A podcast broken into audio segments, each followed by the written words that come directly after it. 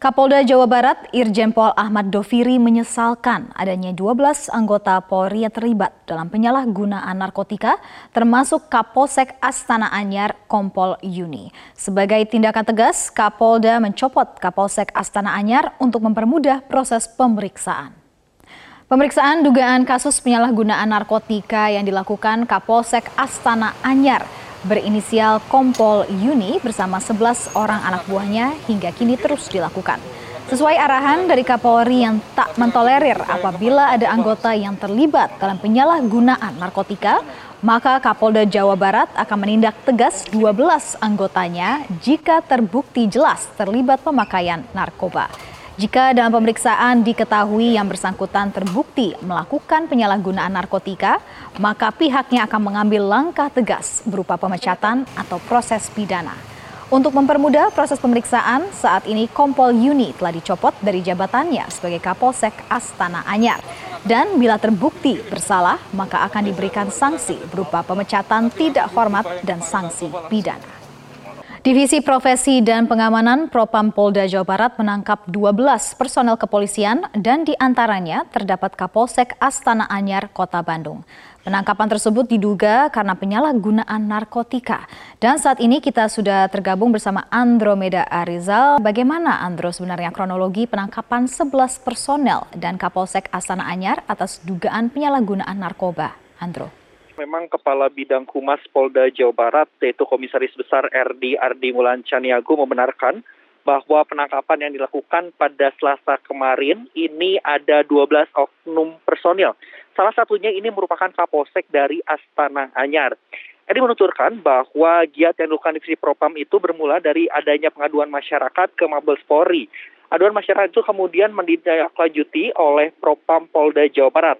Berdasarkan pengembangan dari Propam Polda Jawa, Jawa Barat, itu salah seorang anggota Polsek Astana Anyar, di awalnya ditangkap beserta barang bukti narkotika sebesar 7 gram yang diduga sabu. Setelah itu terungkap ada belasan personil lainnya yang diduga ikut terlibat. Bila kita melihat kronologinya bahwa di awal ini ada salah satu anggota kepolisian dari Polsek Astana Anyar yang ditangkap, Lalu setelah dilakukan pengembangan dan penyelidikan lebih lanjut, ditangkaplah kembali ke-12 orang. Di mana 12 orang ini, satu di antaranya ini merupakan Kapolsek dari Astana Anyar. Dan empat di antaranya dapat kami sampaikan ini merupakan anggota kepolisian dari Astana Anyar. Namun hingga sejauh ini pihak Polda Jawa Barat masih terus memberikan pengembangan terkait dengan kasus ini.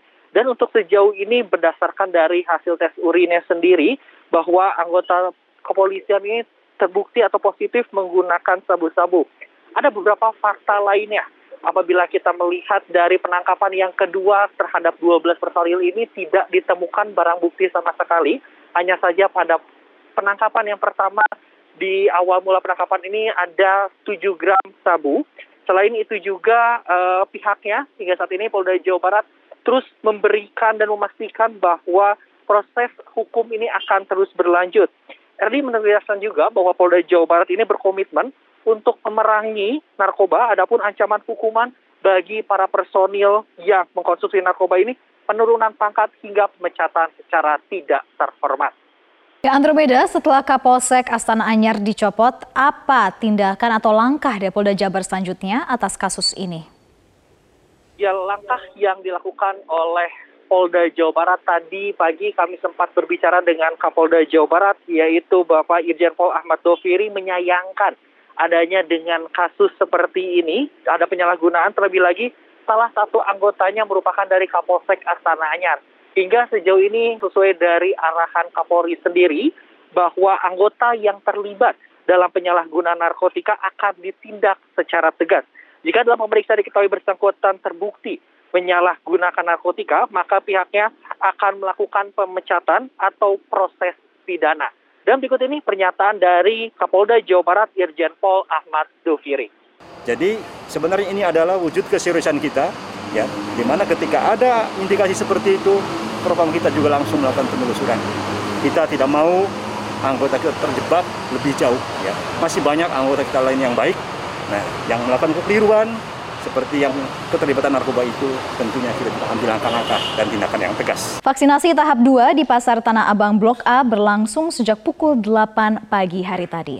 Para pedagang datang dan menjalani seluruh prosedur dengan protokol kesehatan. Informasi selengkapnya akan disampaikan oleh rekan Valencia Malvinsi dari Pasar Tanah Abang. Seperti apa pelaksanaan vaksinasi di Tanah Abang di hari kedua ini? Hari ini vaksinasi tahap kedua di Pasar Tanah Abang sudah berlangsung sejak tadi pagi pukul 8 waktu Indonesia Barat dan akan terus berlangsung sampai dengan pukul 15 waktu Indonesia Barat. Dan seluruh pedagang yang sudah melakukan pendaftaran, kemudian lolos screening, ini kemudian datang ke lantai 8 dan juga lantai 12 Pasar Tanah Abang Blok A sesuai dengan protokol kesehatan yang juga sudah ditetapkan.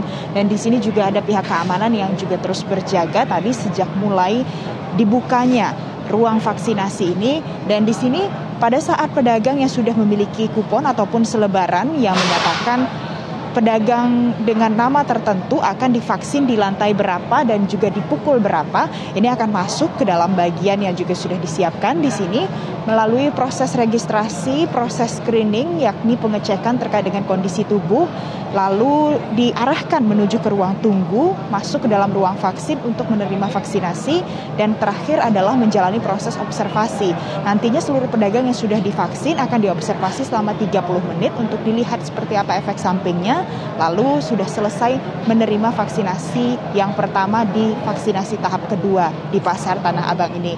Dan nantinya untuk vaksinasi ini akan dilakukan 5 sampai dengan 6 hari ke depan terhitung sejak hari pertama vaksinasi yakni pada tanggal 17 Februari 2021. Tentu rentang waktu ini dipilih supaya seluruh pedagang yang berada di Pasar Tanah Abang Blok A ini bisa menerima vaksinasi sesuai dengan protokol kesehatan ketat dan juga tetap dilaksanakan di sini.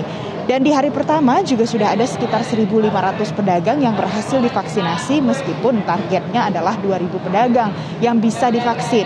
Terkait dengan total keseluruhan yang seharusnya nanti bisa divaksin jika sesuai ataupun merujuk pada data yang telah dihimpun oleh PD Pasar Jaya, nantinya ada 9.791 pedagang yang sudah lolos screening ya pada saat mendaftar terkait dengan penerimaan vaksinasi di tahap 2 yang dilakukan perdana di Pasar Tanah Abang ini. Ya Valencia, apakah ada hasil observasi yang menunjukkan adanya efek samping tertentu setelah divaksin? Di hari pertama dan juga di hari kedua ini sampai saat ini belum ada laporan terkait dengan pedagang yang telah divaksinasi dan kemudian menunjukkan efek samping yang memerlukan tindakan medis khusus. Namun jika kita lihat terkait dengan persiapan yang dilakukan oleh penyelenggara vaksinasi, di sini juga sudah disiapkan satu unit ICU mini dan juga ada sejumlah unit ambulans yang datang dari puskesmas-puskesmas yang berada di kawasan Jabodetabek.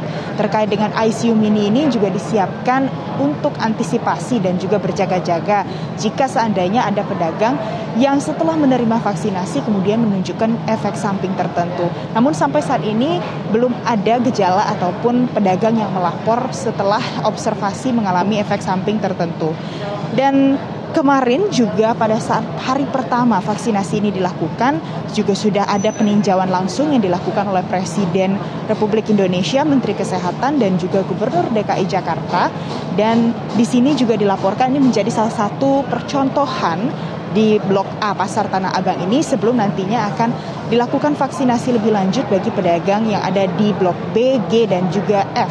Selain itu nanti akan ada Vaksinasi lebih lanjut di pasar-pasar yang ada di Jabodetabek, totalnya ada 115 pasar.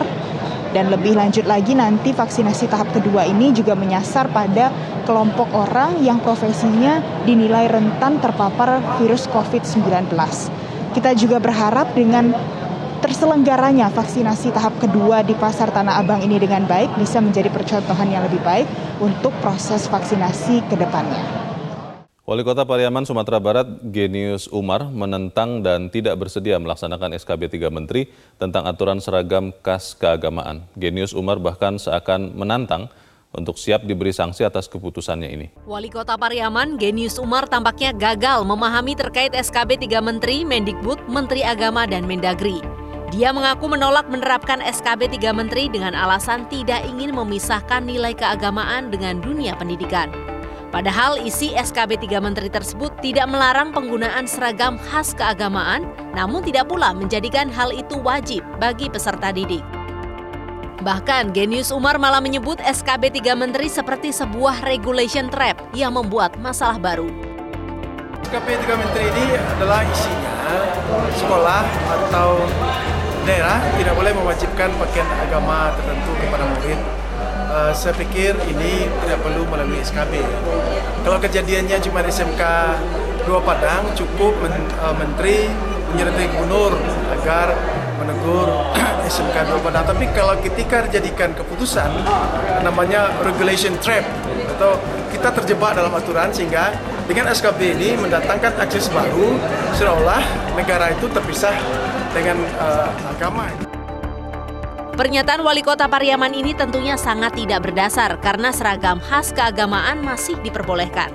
Latar belakang SKB 3 Menteri soal seragam sekolah ini juga hanya berlaku bagi sekolah negeri dengan pengawasan pemerintah daerah dan pengecualian di wilayah Aceh.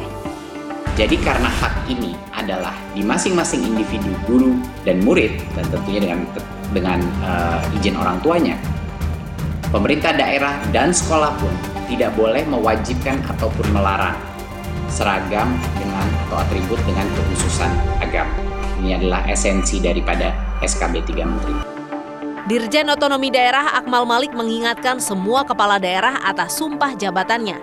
Setiap kepala daerah wajib menjalankan setiap peraturan terkait tugas dan tanggung jawabnya. Akmal Malik telah menegur wali kota Pariaman Genius Umar dan dikatakan oleh Akmal Genius bisa memahaminya. Dikeluarkannya SKB 3 Menteri ini dinilai sebagai jawaban dari polemik yang selama ini terjadi di sejumlah daerah terkait aturan seragam.